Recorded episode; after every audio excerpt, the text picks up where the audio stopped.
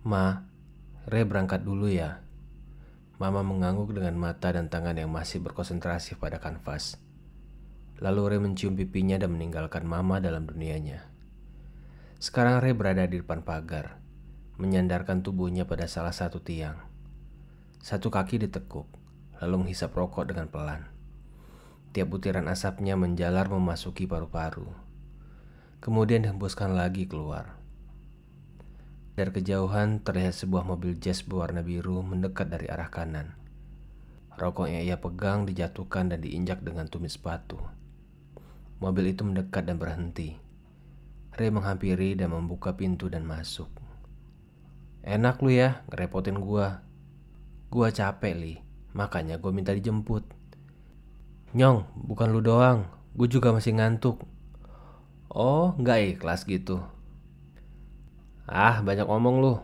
Gua nggak mau tahu. Ntar traktir gua. Mobil Galih melaju. Rea hanya tersenyum geli. Membiarkan Galih dengan omelannya.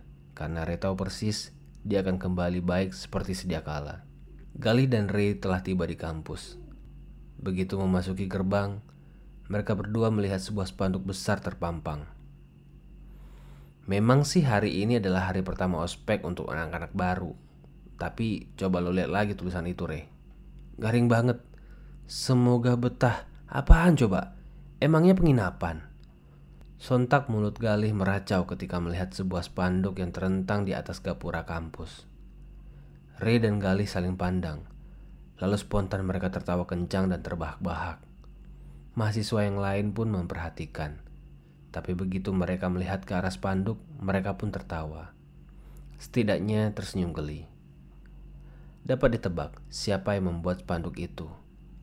Tak lain dan tak bukan adalah Randi, manusia paling garing di kampus ini, bahkan mungkin seantero jagat. Ray dan Galih bergegas menuju sekretariat. Di sana Randi sedang berbincang dengan seorang cewek. Tampaknya lagi PDKT. Segera Ray menghampiri dan mencita kepalanya. Ray terkejut bukan kepalang, tapi begitu ia tahu pelakunya, ia hanya bisa mengomel. Cewek tadi ditinggal tanpa permisi. Ia malah menghampiri Ray.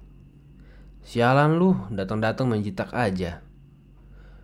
Nyong, itu yang bikin spanduk lo ya? Tanya Gali. Iya dong, gimana? Keren kan? Keren apaan? Garing tahu. Eh, keren lagi. Coba lu bayangin, semoga betah. Keren banget.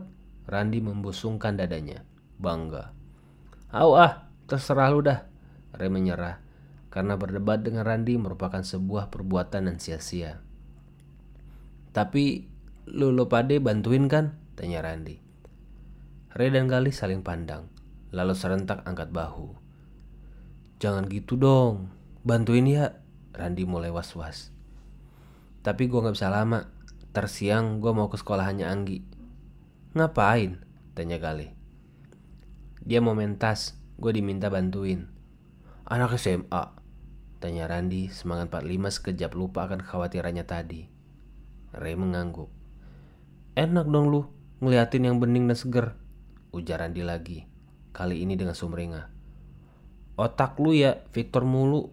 Gali kesal sambil keplak kepala Randi. Tapi ntar bisa kan? Randi kembali memohon. Keplakan Gali tadi mengingatkannya akan kekhawatiran yang tadi menghantui. Dan Ray hanya bisa mengangguk setuju.